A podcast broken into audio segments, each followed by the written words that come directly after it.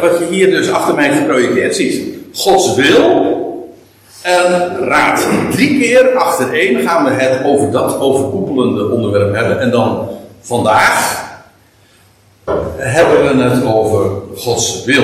In zekere zin, technisch gezien, om het uit te leggen, is dit ook het eenvoudigste onderwerp. In die zin ook wel een aardige intro om een bodem te leggen. Maar goed, de, de aanzetten tot, tot het algehele onderwerp en de problematiek, die, die komen al aan, de, aan, aan de orde zo, zo direct. Want ja, waarom dit onderwerp? Wel omdat er gewoon nogal wat vragen over zijn. En die zijn heel, heel diepgaand. Uh, nou, ik zei, ik zei al, we gaan het dus vandaag over Gods wil hebben. En de bedoeling is, dat is een aardige dubbelzinnige opmerking. De bedoeling, mijn bedoeling is om het uh, morgen over Gods raad te hebben. Dat wil zeggen, Gods intentie of zijn bedoeling. Ik kom daar later uiteraard uitgebreider terug wat dat precies dan is. En wat het verschil is. En dan aankomende maandag, dat is dus tweede Pinksterdag, weer iedere keer op hetzelfde tijdstip om 11 uur een Bijbelstudie over de raad van Gods wil. En die term is direct ontleend aan, om precies te zijn, Efeze 1, vers 11. Allemaal eentjes. Um, daar wordt die uitdrukking gebruikt over de raad. Meestal wordt het zo weergegeven, de raad van Gods wil. Waaruit trouwens sowieso al blijkt dat die begrippen raad en wil niet hetzelfde zijn. Het is de raad van Gods wil, de bedoeling van zijn wil. Dat zijn twee onderscheiden begrippen. Dat is, uh, eigenlijk zeg, zeg, ik daar op voorhand al uh, iets heel belangwekkends ook mee. Uh, kijk, die begrippen, die, dat is het punt, en dat is ook de eigenlijke directe aanleiding waarom we het over dit onderwerp hebben, is dat er heel veel verwarring bestaat over, over deze twee begrippen. En vooral over hoe die dingen dan door elkaar worden gebruikt. En dan, en dan krijg je echt een, een warboel van, van dingen waarbij je dan niet meer de dingen onderscheidt. En dat heeft ook alles te maken met het feit dat, ja, zojuist zei uh, al, dat uh, ja, hij, hij, spreekt bij voorkeur over het openen van de schriften. Eigenlijk liever dan uh, spreken over het openen van de Bijbel. Dat lijkt wat al te subtiel misschien, maar hij bedoelt daar wellicht dit mee. In ieder geval, zo versta ik het. Kijk, de Bijbel, dat is ook dat zijn de schriften, ja, maar waar de wijze waarop dat ook aan ons is overgeleverd via vertalingen. En dat is een filter uh, dat nogal eens een keer desastreus werk doet. Waardoor je allerlei dingen je ontgaan en, en eh, inderdaad ook verward worden. En als je naar de schrift gaat, dan ga je naar het origineel. Dat is geïnspireerd. De schriften zijn uh, ge, geïnspireerd. Zo staat het ook letterlijk in 2 Timotheus 3. Elk van God gegeven schriftwoord is God geblazen, God geïnspireerd. Uh, dat geldt natuurlijk niet van de vertaling, want die zijn veilbaar. Dus vandaar dus dat ook dat onderscheid. En omdat men, uh, omdat die vertalingen vaak, een, ik zeg het nou misschien wel heel erg cru, maar eigenlijk is het nog veel erger, een zootje van maken. Ook als het juist om dit begrip gaat, over deze begrippen, ja, moeten we de dingen toch even fine-tunen. Kijk, laat ik eens even beginnen met een enquête. Nou, enquête. Uh, een vraag. Gewoon in, jullie midden leggen. Uh, Gods wil geschiet altijd. Altijd. En nou is mijn vraag. Wat zeggen jullie? Is dat waar? Of is dat onwaar? Wie, uh, even handen omhoog, zodat ik een beetje een betere indruk krijg. Wie zegt, nee, wie zegt, ja, nee, ja. Nu, zie ik al dat hoe, hoe misleidend dan ook weer de opinies zijn, want nu zeggen sommige mensen onwaar, zeggen, oh, nou, dat zal het wel niet, uh, zo, zo werkt dat dan. Uh, wie zegt, uh, waar? Gods wil geschiet altijd. Nou, ik, als, en wie zegt onwaar? Nou, dus ongeveer 50-50. Dat demonstreert nou precies. Uh, en het motiveert ook goed waarom we het over dit onderwerp moeten hebben.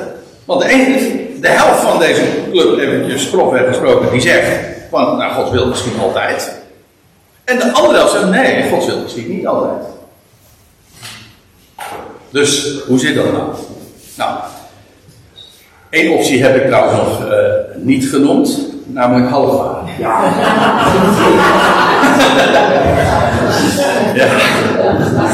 Want je zou de vraag kunnen stellen, ja, dat hangt er vanaf wanneer je die vraag stelt. Nou ja, je zegt van je stelt die vraag nu. En dan is het Laat, ik, het meteen dan mijn inzet, uh, mijn insteek ook al meegeven, zodat. Uh, nou ja, dat is. Noemen ze dat weer? Een, Nee, ja, hoe noemen ze ook weer dat als je de, de informatie op voor, van tevoren geeft? Een uh, spoiler, ja. ja. Maar, uh, ja, Gods wil geschiet altijd. Uh, of Gods wil zal geschieden. Altijd. Uit, of Gods wil geschiet uiteindelijk altijd. Ah, dat is dan heb je het nog net eventjes wat preciezer gezegd. Nou, hoe dan ook, we hebben hier uh, in ieder geval, lijkt mij, gewoon door deze vraag even in jullie midden te leggen, al uh, aangegeven waarom het echt geen overbodige luxe is om dit goed helder te krijgen. Want er zijn er namelijk die zeggen van, ach, wat er ook gebeurt en wat ik ook doe in mijn leven, God, het stelt Gods wil. Want, zeggen we dan, overal een bedoeling. Maar zie je, dan, dan zit je de boel alweer door de war gooien. Echt.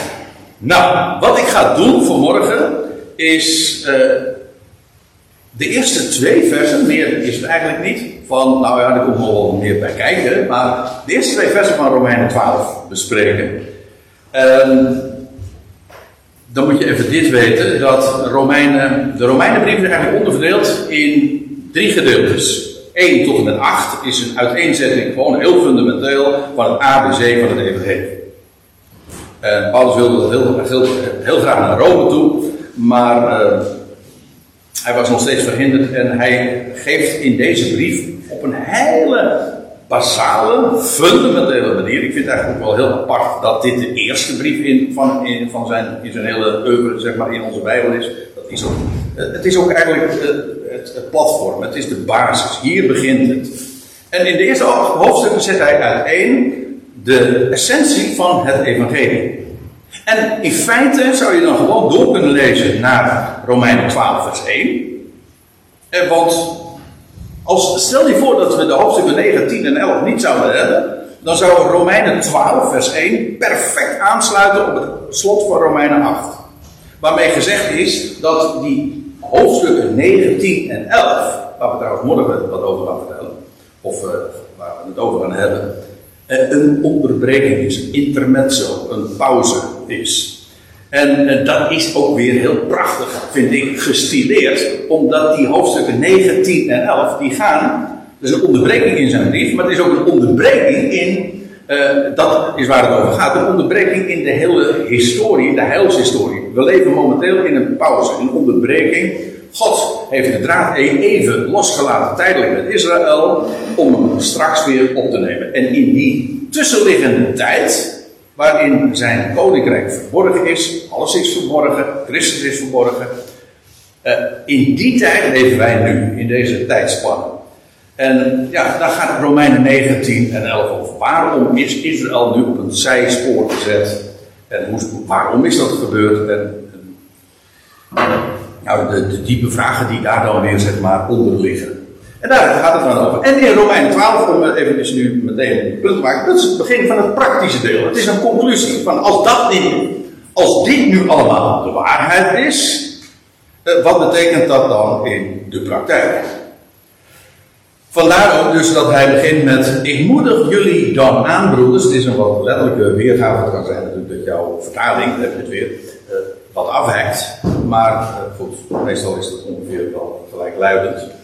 Uh, dat woordje dan is een, uh, heeft eigenlijk de functie van dus. Het is een logisch vervolg op. Vervolgens dan. En ja, eigenlijk, ik zei, het, is, het sluit aan op het slot van Romeinen 8. Maar je, je kan ook verdedigen, en in beide gevallen is waar, dat het direct aansluit op het direct voorafgaande. Want Romeinen 12, vers 1, ja, wat, wat is het vers wat daaraan voorafgaat? Dat is het laatste vers van Romeinen 11, dat wil zeggen Romeinen 11, vers 36. En eigenlijk dat vers ja, is een conclusie uh, ja, niet alleen maar van 1911, eh, maar ook een conclusie van heel Paulus' betoog. En feitelijk het, ja, het, het, is de samenvatting van zijn hele onderwijs. Wat staat er in Romeinen 11, vers 36? Mij vraagt misschien wel het meest. Nou, dat moet je ook een beetje uitkijken, want het hangt er een beetje vanaf hoe je het. Uh, vanuit welk oogpunt je dat ziet. Maar dit is zo verschrikkelijk fundamenteel. Dit vertelt waarom God God is. Dat is trouwens ook Romeinen 1. God is God. Hij zet alles op zijn plek. Maar waarom is dat? Wel, dan staat er in Romeinen 11, vers 36. Dat is trouwens ook weer een conclusie. Want, of het is een uitleg. Want vanuit hem, worden drie voorzetsels gebruikt. Uit, of vanuit, of door, en door. En uh, tot in. Is eigenlijk één voorzetsel. Eis, dat wil zeggen voor, tot in. In ieder geval, het is tegenovergesteld vanuit en tot in. Vanuit hem en door hem en tot in hem zijn alle dingen. En als dat zo is, wel dan aan hem is dus alle heerlijkheid tot in de Ionen. Dat is ook weer zo'n woord wat je niet in de, in de vertalingen tegenkomt. Dat is ook weer, dat is er is ook verschrikkelijke filter op gezet. Hebben ze er maar van gemaakt tot in alle eeuwigheid. Nou, dat, is dus, dat staat er dus niet. Er staat tot in de Ionen. Het is een meervoud. Wereldtijdperken, daar gaat het over. En dan zegt Paulus, Amen. Dat is niet alleen maar, dat is niet, een afsluiting. In feite is het meer een, een hele plechtige manier om te zeggen. En zo is het niet anders. Dat is de waarheid.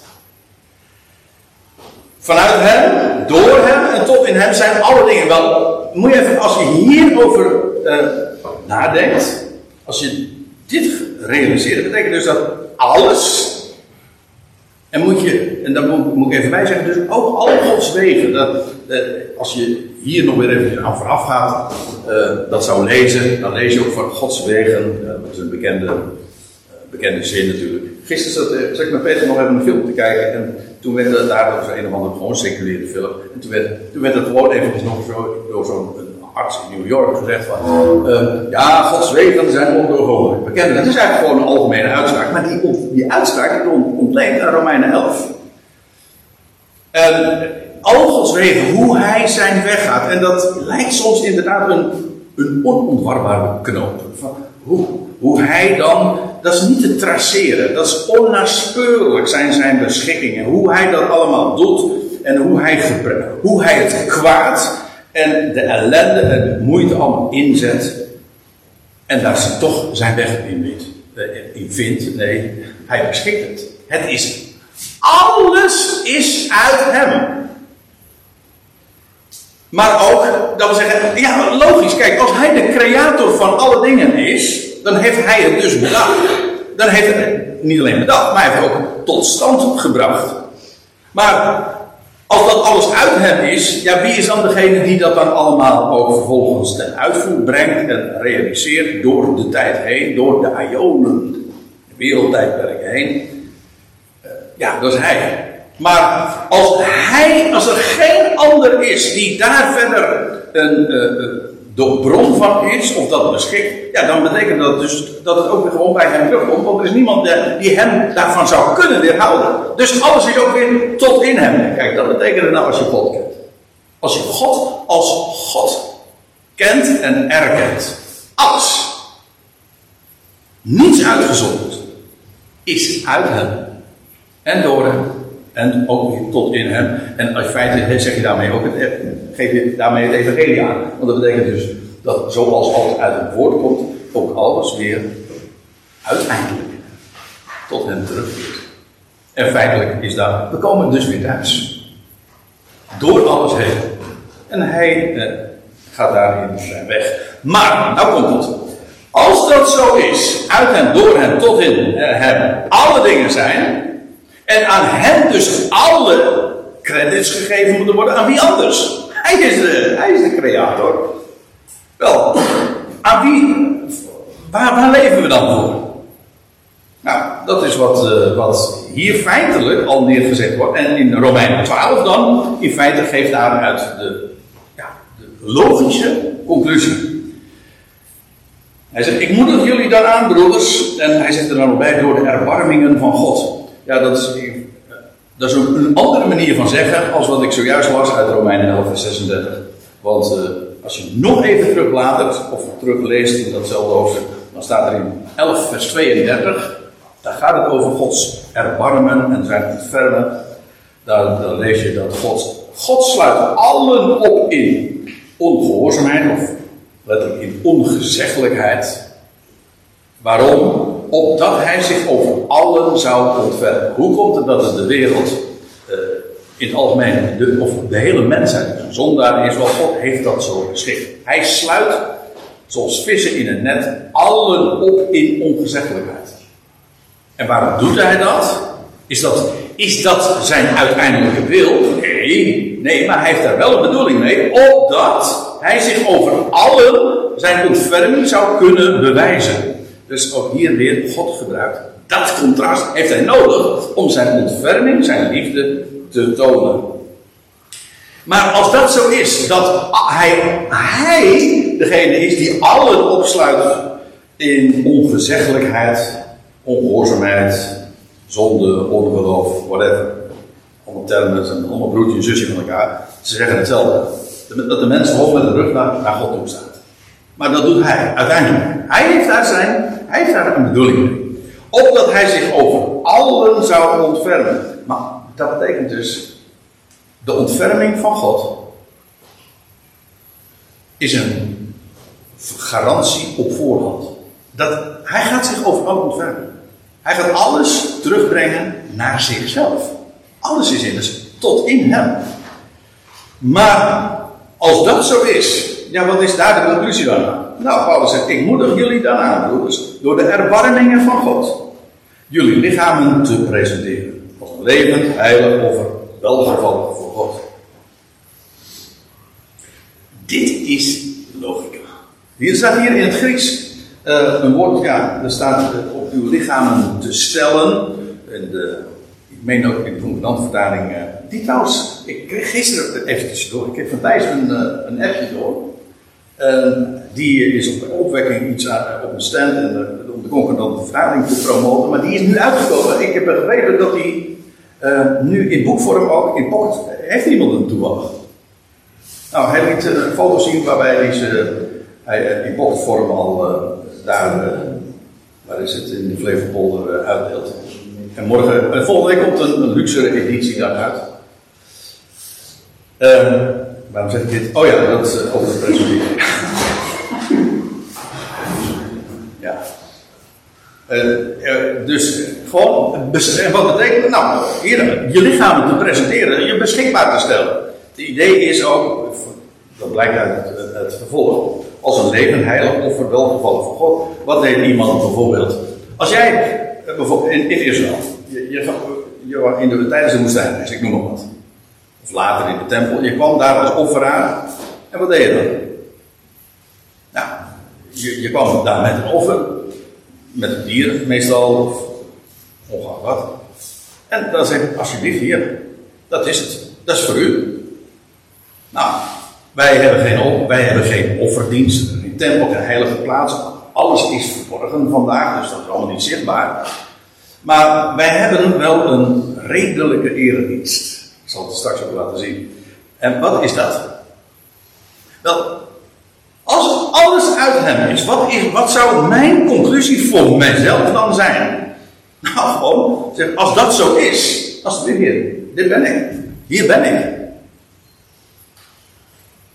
En wat je dan vervolgens uh, dan doet, ja, dan ga, je, dan ga jij zelf niet over. Dat was ook met zo'n zo'n zo'n offeraar die dan komt in de, bij de priester, in, in de tabernakel of in de tempel.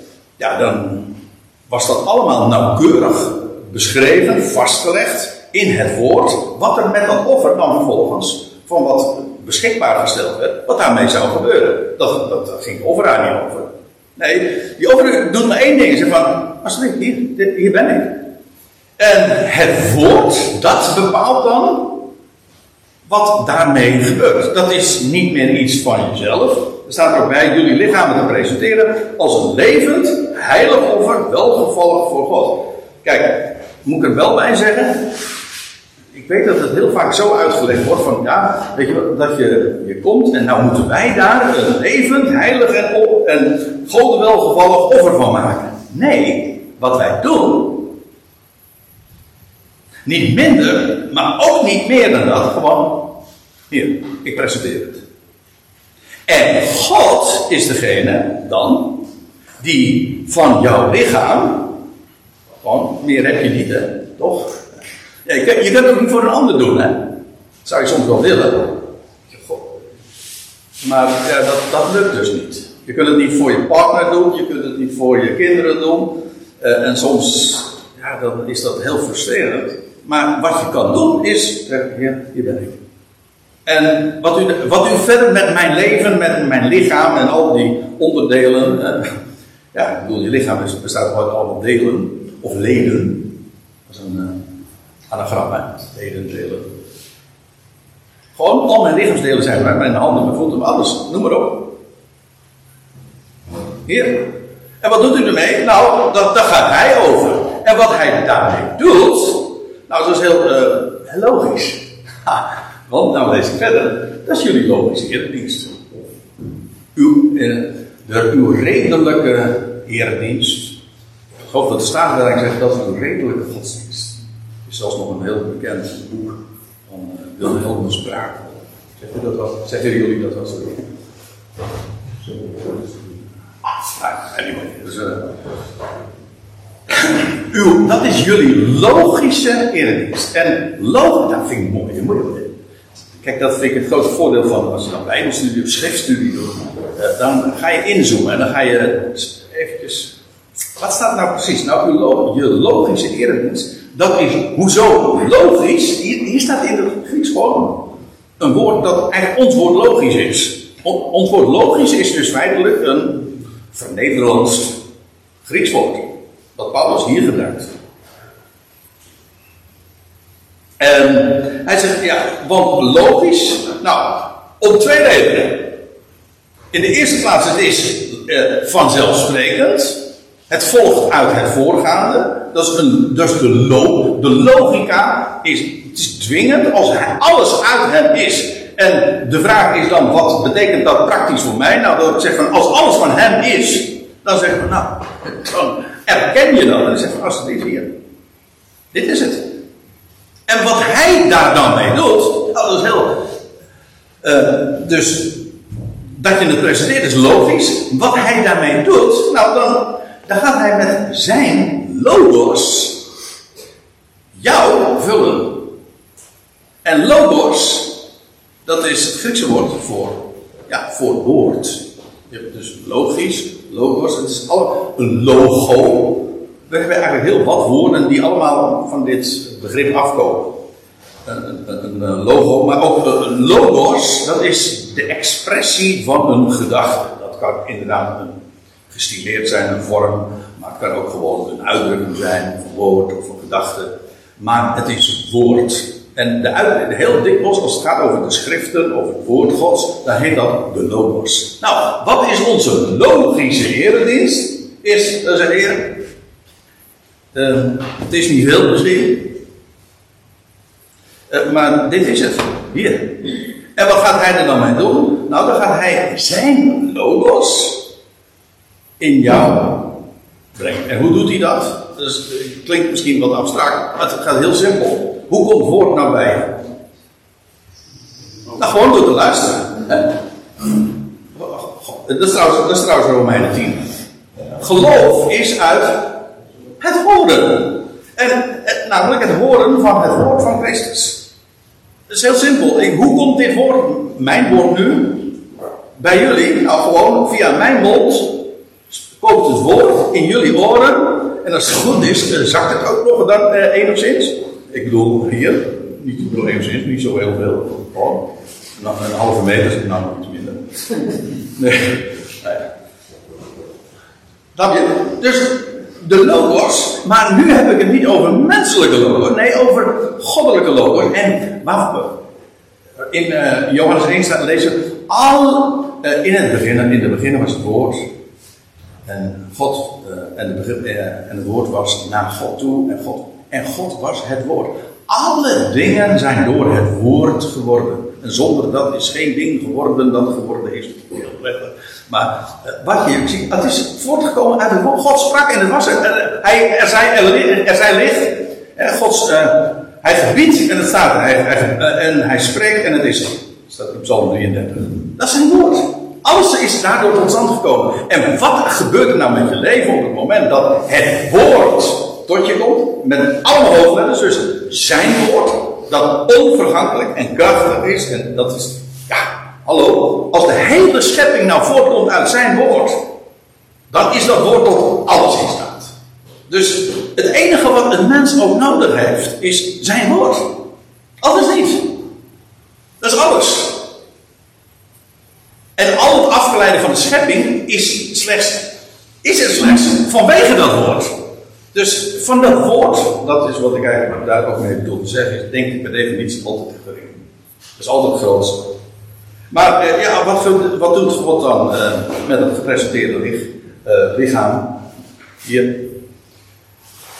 Hij vult dat met zijn logos. En dan gebeurt er wat.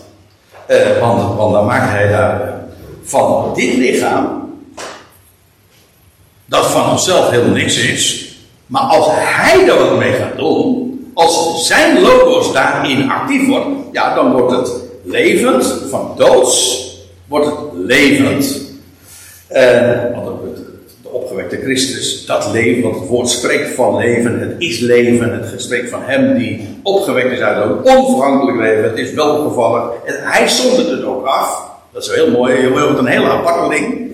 Heilig betekent apart gezet. God maakt van jou iets heel aparts. Het is ook pijnlijk trouwens, want je wordt er wel een beetje een zonderling figuur van. Nou ja, maar, dat is uh, het volgende. Want wat staat er dan? En wordt niet gelijkvormig aan deze heiland. dat, is dat is eigenlijk het onvermijdelijke resultaat. Uh, de term die jullie misschien wel kennen, in, trouwens in de meeste vertalingen wordt het ook zo weergegeven, wordt niet gelijkvormig aan deze wereld. Wereldgelijkvormigheid. Er staat trouwens niet wereld, er staat aion heb je weer. Er is geen woord waarmee zo, nee, laat ik het netjes zeggen, uh, geknoeid is, als met dit woord. Heel vertaald. Maar goed, hier staat aion. Wordt niet gelijkvormig aan deze aion. Hier staat in het Grieks het woordje uh, dat woord voor vorm, dat is eigenlijk schema. Het, schema van deze aion. En een schema, dat is, dat is niet alleen maar wat wij onder een schema verstaan, dat is ook trouwens een Grieks woord dus. Maar is, uh, ook een vorm. Uh, een, een mal, vind ik een aardig woord in dit verband. Als we hebben over deze aion, een mal is. Uh, ja, want een mal, ik bedoel dit. Hè? Een, een, een, mal, gewoon een patroon of iets, een vorm. Waar je, waar je iets. En op het moment dat je er iets in doet, dan, wordt, dan krijgt het dezelfde vorm. En wordt niet gelijkvormig aan deze aion. En dan moet ik erbij zeggen, dat is niet. Ik ben zelf, uh, ik, ik kom van, uh, van reformatorische kom af. En, en dan was het altijd van, ja, dan moet je naar het gewaad kijken. En, nou ja, er werden bepaalde, waren bepaalde uiterlijke dingen waaraan je dan zag van nou dan was je gelijkvormig aan deze wereld of niet gelijkvormig. Als je als vrouw een broek aan had, noem maar wat. Ik kan heel wat voorbeelden doen. Als je zondags de, was, uh, de auto aan het wassen was, aan het wassen was dan, uh, dan, dan was je wereldgelijkvormig. Maar ik zal dit Wereldgelijkvormigheid betekent niet, of gelijkvormig aan deze eeuw betekent niet dat je doet wat de wereld doet. Ik bedoel, we eten allemaal, we slapen allemaal, we, we, we, we werken allemaal, we staan op. En, nou, het grootste gedeelte van ons leven doen we gewoon hetzelfde als iedereen. Maar wat is nou gelijkvormig aan deze aion? En wat is er mis met deze aion? Niet de dingen die ik het zojuist over had, want dat is gewoon, je bent een creatie en dat is, je bent een mens en je, je doet die dingen al. Geen komen aan. Je ademt, je kijkt uit je ogen, ja, dat doen we allemaal. Wie ook bent. Maar het is gelijkvormig aan deze aion. Dat betekent denken en spreken zoals deze aion denkt en spreekt. Dus wereldgelijkvormigheid betekent dus niet doen zoals de wereld doet, of deze aion doet. Maar denken en daarmee ook spreken. Want spreken is de expressie van je denken. Hè? Denken zoals deze aion denkt en spreekt. En deze aion ja, is boos. Het wordt heel, op heel wat plaatsen gezegd. Ja, goh, ik dat hoef ik toch verder niet uit te leggen, dat is toch duidelijk.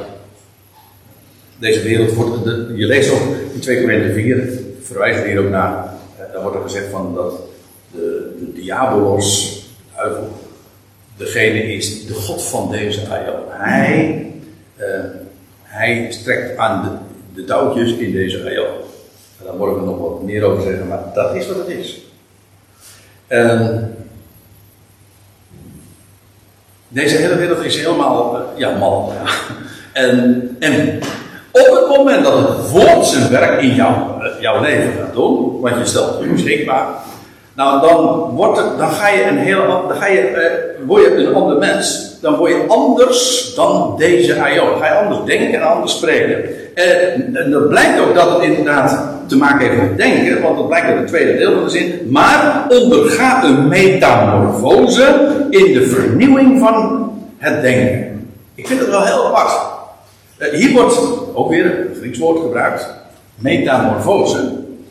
Dat is ook weer een Grieks woord. Een gedaanteverwisseling. Dat wat wij, het naamje wat wij geven aan bijvoorbeeld het fenomeen. Dat een rups, een vlinder. Dat is een metamorfose. Of dat een een waterkever, een libelle. Dat is een, dat is complete gedaanteverwisseling. Dat is ook geen actie trouwens van zo'n beestje. Dat, dat gebeurt, dat overkomt hem. Ja. Maar, en hoe onderga je een metamorfose? Hoe gaat het proces in zijn werk dat je niet meer gelijkvormig bent aan deze aion? Dat je niet meer denkt zoals deze aion? Wel, doordat jouw denken vernieuwd wordt. En hoe wordt je denken vernieuwd? Wel, ja, wij krijgen een heel andere, om het even modern te zeggen, een heel andere input. In feite, jouw denken wordt gevormd door dat wat er binnenkomt. Door woord. En dat, ja, eigenlijk al heel veel stadium word je helemaal, uh, ja, ge, ook gedesoriënteerd. Dan word je misvormd vaak ook. Wij zeggen dan opvoeden, dat is een vorming. Ja, in de, in de goede zin des woords wel. Maar je wordt, kan ook in heel veel stadium misvormd worden door alle overtuigingen die je tot je krijgt, gedachtegangen. Die input uh, van het van, van, van dingen, van, van gedachtegangen, ja, die, die bepalen ons denken. Waarom denk je zoals je denkt? Het meeste van ons denken is trouwens ook helemaal niet bewust. Je bent je helemaal niet bewust van allerlei vooronderstellingen en zo. Maar het is wel zo. Oké, maar door het woord worden we vernieuwd uh, in het denken. Dan zien we, dat is heel apart. Anders denken uh, wil niet zeggen, betekent niet dat je op een andere. Uh, ik bedoel, je denkt nog steeds met je brein, hè, hoe dat dan ook verder in zijn werk gaat. Ja, maar dat denken wordt heel anders. Je gaat heel andere dingen ook zien. Terwijl deze Ayot die ziet om maar wat, ik noem een paar voorbeelden. Deze wereld, deze, deze Ayal, die zegt van ja, we zijn voortgekomen uit een oerknal. En uh, eigenlijk in slow motion. Heel veel slow motion. Uh, miljarden jaren en zie daar, dit is het resultaat. Het is gewoon een explosie. Een ploffing en dit hier heeft het uiteindelijk toe geleid. Als je zo denkt, dan heeft het bestaan dus ook helemaal geen enkele betekenis, geen zin. Het is, is, ja, het is gewoon toeval. Betekent dus ook dat je bestaan zinloos is. Dat kun je verdoven. Ja, natuurlijk. Dat moet, dat moet haast dan ook wel. Maar eh, of je gelooft dat alles uit hem, door hem en tot in hem is. Dat betekent dus dat er gewoon achter alles een design is, een bedoeling is. Hij heeft een plan. En dat mijn, mijn een hele bestaan een zin heeft. Die toevallig is. Random, ik bedoel zonder enige oogmerk. Nee, wij zijn een creatie. Dan, dan kijk je in dezelfde wereld en ik zie iets totaal anders. En ik hoop jij net zo. Je ziet iets totaal anders. Nog iets, uh, je ziet, wij zien ook.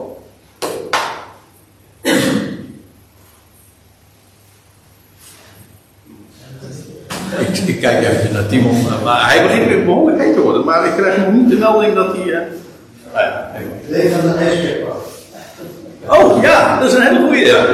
Dat, dat werkt goed. Maar uh, ja, uh, nog een voorbeeld. Kijk, als je je blind staat op dat wat je ziet, dan zie je heel veel min, zoveel negativiteit, zo, zoveel boosheid. Uh, ja, ja, boosheid, je ziet ellende, je ziet lijden, je ziet, je ziet dood, de verschrikkelijkste dingen. En dat is min, ja. Maar als je in geloof, nou kijk, Kijk. Cool woord. Ja, het woord, ja. Een cool woord zeg. Ja, dankjewel. Uh, maar in ieder geval, uh, wij, als je, als je daarentegen weet dat Gods weg altijd de beste is,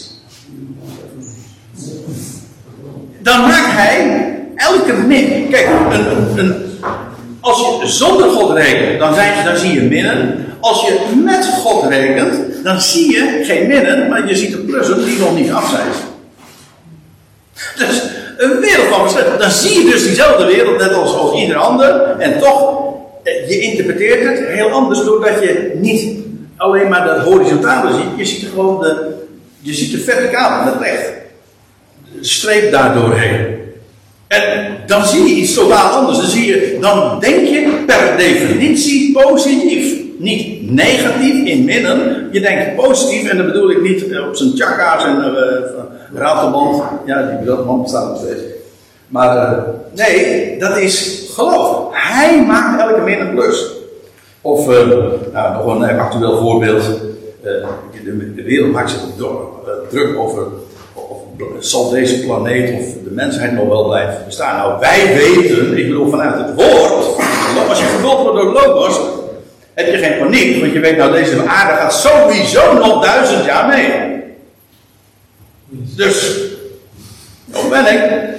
Nou, ik moet er wel bij zeggen, maar dat zien die klimaatmysterie dan weer niet. Sorry dat ik het wat onaardig zeg, maar uh, ja, zo, ga je dat, zo kijk je dan dan tegenaan. Maar uh, dat de uh, binnenkort, binnen afzienbare tijd ook. Ja, zo ga je dan ook tegen de wereld aankijken. Als je, als, je gevuld wordt door de logos, dan weet je dat deze, deze aion, godzijdank, op zijn eind loopt. En dat de komende aion gaat, gaat aanbreken. Maar dat in die transitie deze, er nog heel veel gaat gebeuren in deze wereld. Ja, maar ja, we zijn mensen met hoop. Kijk, dat bedoel ik dus. Je gaat heel anders denken. Puur door. Ja, waarom? Dat zijn geen trucjes. Dat, het is ook geen vorm, geen toneelspel. Want dat is heel vaak wat. Uh, wereldgelijkvormigheid betekent dat je doet zoals deze wereld. En dat betekent dat je bepaalde kunstjes moet aanleren. Dat je uh, bepaalde kleding moet aantrekken. En bepaalde gedragingen. Dat zijn kunstjes. Nee, als je zijn woord hoort, dan, vertel je, dan vertelt hij wie, niet wat je moet doen, maar wie hij is en wat hij bij machten is te doen. En dan ga je omhoog kijken en dan ga je iets totaal anders zien. En dan word je vernieuwd in je denken. Niet belast, je wordt van binnenuit veranderd. Ja, en dat, uh, dat is de vernieuwing van je denken. Ik kan nog veel meer voorbeelden geven. Maar dan onderga je dus met recht een metamorfose. Dus met andere woorden, hoe vindt die metamorfose plaats? Niet door het aanleren van bepaalde foefjes of trucjes, of bepaalde gedragingen aanmeten, of je conformeren aan de groep waar je toevallig in zit. Want dat is al, in feite, dus allemaal, dat is ook weer, dat noemen we dat, conformisme. Je conformeert je aan de, aan de gedragingen waar dat, en aan, de, aan deze aion. Nee, gelijkvormig aan deze aion betekent dat je denkt zoals deze wereld denkt. En als je daarentegen de logos eh, daardoor eh, gaat. Daardoor wordt je denken vernieuwd. Dat is, trouwens geen eenmalig ding. Het is niet van een of andere moment en nou ben ik vernieuwd. Nee, het is de vernieuwing van je denken is een proces. Je presenteert je lichaam. Je staat s morgens op en zegt: Heer, hier ben ik. Goedemorgen. Dank u wel. U, hebt deze dag gemaakt en u kan wat van mijn leven maken. Ik, ik, uh, ik bak er niet veel van, maar ik heb heel veel verwachting van u. Nou, dan begin je de dag al heel hoopvol. Met, met opgeven hoofd. En zeg ja, alsjeblieft. En, uh, en dan onderga je dus ook een metamorfose. Dat staat in 2 Korinther 3, dat is een hele mooie. Wordt ook dat woordje metamorfose gebruikt. Uh, het, het, hele verband moet ik eventjes laten voor wat het is. Erg boeiend, maar dat zou me te ver afvoeren van het onderwerp. Uh, dan maar dan sluit Paulus dat hoofdstuk af met deze woorden. Wij allen die de heerlijkheid van de Heer weerspiegelen. En daarmee, wat hij daarmee feitelijk zegt, is uh, wij, gewoon als mens, zijn, hebben de functie van een spiegel. Of dat is de metafoor die hij gebruikt. Dat wil zeggen, je, je reflecteert datgene waar je op gericht bent. Dat is vrij logisch. Als je gericht bent op hele sombere dingen, dan word je droevig. En als je gericht bent op fijne dingen, dan word je, dan word je blij en vrolijk. Dat is logisch, toch? Logisch, ja.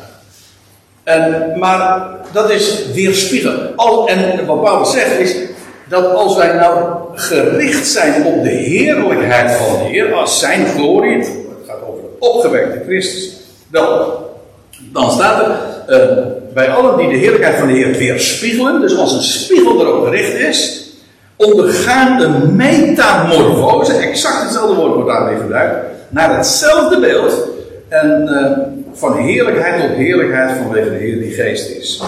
Ook hier, uh, dus die gedachte, hoe onderga je een metamorfose? Niet door druk je door best te doen. Een, een, een rups wordt ook geen vlinder doordat hij zijn best doet. Nee, dat, dat overkomt. Die vernieuwing, die metamorfose is niks anders in ons leven dan het resultaat van vernieuwd worden in je denken. Oftewel, het woord in zijn zuiverheid dat tot je komt. Dan word je vernieuwd in je denken en dan word je gericht op Hem. En ja, dat is, dat is een kwestie van reflectie. Ik bedoel, waarom, als ik, waarom schijnt de, de maan? De maan geeft geen licht. Nee, maar het reflecteert het. Doordat het licht van de zon daarop komt en dan, dan daardoor zien we, en dat is met een spiegel ook zo, het, het weerspiegelt, het laat licht zien, het, het geeft uitstraling doordat het reflecteert. Ik weet, ik had destijds zo'n boekje ooit cadeau gekregen. Um, ik heb het niet meer in mijn bezit, want zo blij was ik er ook weer niet mee. Maar hoe, uh, dat ging, ik weet niet meer exact hoe de titel was, maar van hoe word ik een christen met meer uitstraling? Hoe kan, ja, in ieder geval, ik werd al, ik al een beetje beroerd van de dag. Als je even weet hoe het zit, dan kun je daar, dan verdraag je dat eigenlijk heel moeilijk meer, want het was niks anders dan, dit moet je doen, en deze truc moet je uithalen, want dan ga je meer uitstralen. Dat is fake. Wij, de uitstraling, voor zover wij uitstralen, is dat reflectie. Dat is niet omdat wij iets doen, maar dat is omdat we licht in de ogen krijgen van Hem. We zijn daarop gericht. En dat transformeert ons. Ja, dat doen we niet zelf. Van heerlijkheid tot heerlijkheid, ook dat is een proces vanwege de Heer die geest is. Nou, dan weten we dat ook meteen weer. Dus dat is niet een aparte persoon, geen derde persoon. Nee, is gewoon de Heer. Wie is die geest? Nou, dat is de Heer zelf. Die we verder niet zien, daarom heet hij ook geest. Maar wel werkt en krachtig is. En zijn effecten heeft, zoals de wind en zo. Nou ja, in de aanloop van Pinkster is dat ook wel een aardige overweging. Maar dat is het. Opdat jullie zouden beproeven, ik uh, kom nu bij, uh, ik ben nu halverwege het tweede vers. Dus word niet gelijkvormig aan deze aion, maar onderga een metamorfose. Hoe dan wel? Wel in de vernieuwing van het denken. Dus het een brengt of resulteert in het ander. En dan staat erachter, opdat jullie zouden beproeven wat de wil van God is. Dit wordt heel vaak ook weer zo uitgelegd van, ja, als je nou vernieuwd wordt in je denken, dan ga je voortdurend vragen aan God van wat wil u? En dat staat er niet. Dus ik ken ja, van die mensen die zeggen elke stap die ze zetten van Heer, wilt u, is dit wel van u?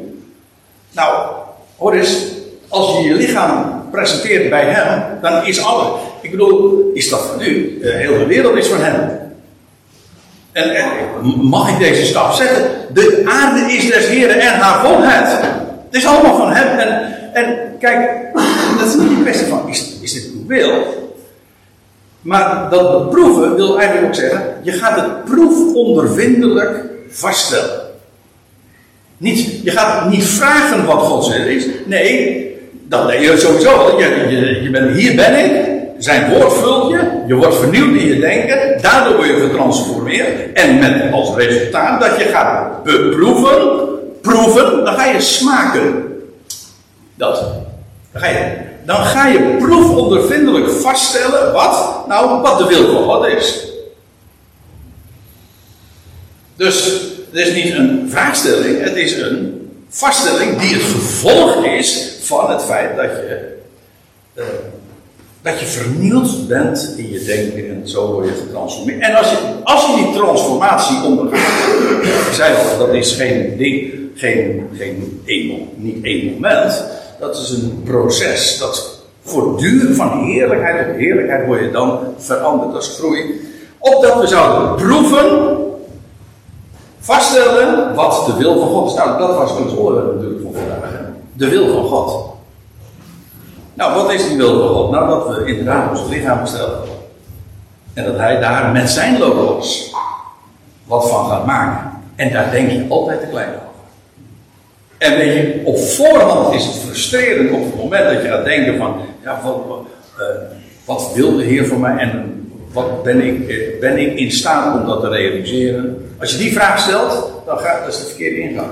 Dan ga je namelijk uit voor jezelf. Kan ik dat? In hoeverre ben ik bij machten om dat te doen? Nou, dat is altijd frustrerend, want dan blijkt je altijd tekort te zien. Maar als je de vraag stelt van, wat is hij bij machten te doen in mijn leven? Nou, hij is bij machten een, een metamorfose te laten ondergaan. Laat dat nou maar aan hem over. Jij stelt je lichaam. Dus hij geeft zijn woord. En dat vernieuwt jou en dat transformeert jou. En dan ga je proeven, beleven, ja, bevinden, om het eventjes uh, nog anders te zeggen, wat de wil van God is. En wat is dat? Het goede, welgevallig en volmaakt. Goed betekent het beantwoord helemaal aan het doel. Agathos, dat is dat is de betekenis van dat woord. En, en dat het wel gevallig is, het is ook aangenaam.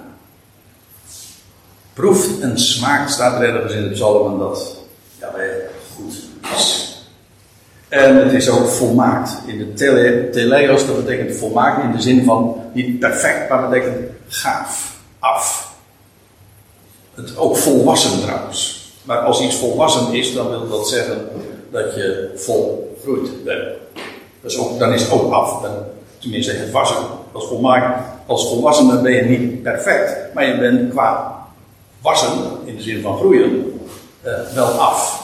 Ik, ik, groei niet meer. Oh ja, misschien nog in de breedte, maar ik begrijp wat ik bedoel. Dat is volwassenheid. En je wordt in, ook dat is een proces. En dat is wat, uh, wat de Heer dan inderdaad, wat God gaat doen. Je gaat proeven dat de wil van God volmaakt is. Of en welgevallig en goed is.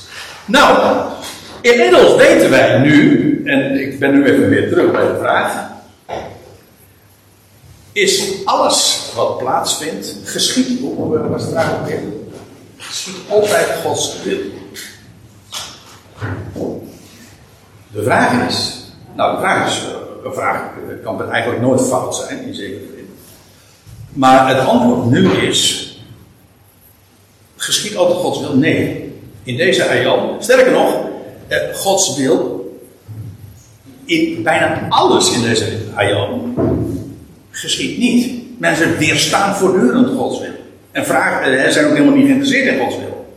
Ze zijn, uh, hun denken is juist.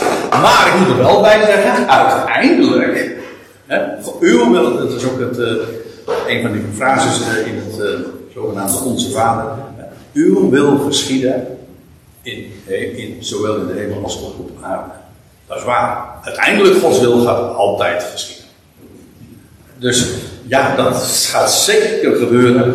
Maar dan is er vervolgens nog even een andere vraag. Als Gods wil niet altijd geschiet, maar dat is ja, optioneel. Als je op het moment dat je je beschikbaar stelt en zijn woord in je komt, ja, dan ga je proeven en, eh, dat Gods wil inderdaad goed en volmaakt en welgevallig is. Anders niet. En dat, zijn, en dat is een beleving die maar slechts eigenlijk enkelingen momenteel, relatief, meemaken. Ja, dus geschiet Gods wil altijd. Nee, uiteindelijk wel. Maar dan komt een heel andere vraag. En dat is dus de vraag van morgen. Hoe zit het dan met al die dingen die niet conform Gods wil zijn? Gaat daar dan iets mis? Heeft hij daar niet de hand in? Of heeft hij dat niet in de hand? Dat zijn twee verschillende vragen trouwens, merk ik. Maar die vraag, Gods raad en bedoeling. Dus dit is eigenlijk, uh, dit is weer de teaser voor de volgende keer. eigenlijk wordt dat het spannendste onderdeel. Want, uh, en ook het lastigste, veruit. Want in feite, dit onderwerp, Gods wil, is simpel. Dit is wat hij bekend maakt, alsjeblieft, dit is het. Maar wat gebeurt er nou als, als hij zijn wil weerstaat? Kan dat? En hoe zit dat dan? Nou, die vragen, dat neem ik, neem ik jullie morgen mee naar Romeinen 9. Dus we waren nu in Romeinen 12 en dan gaan we weer terugbladeren naar Romeinen 9. Nou, ik had gezegd van dat wordt. Gisteren had Bolton al gewaarschuwd. ik, heb, ik, ik hoorde het later. Ik heb filmpje gezien. Hij zegt van uh, ja, ik hou het kort, maar morgen. en ik hoorde jullie allemaal lachen. lachen. En ik beschouwde dat meteen als een vrijbrief van, oh, dan moet ik gaan uitpakken. Dus uh, ik weet niet hoe lang ik gesproken heb, maar ik denk het hier uur of zo. Nou ja, ik hoop dat jullie in ieder geval wat hebben kunnen aandragen. Het was mij genoegen. Wordt vervolgd.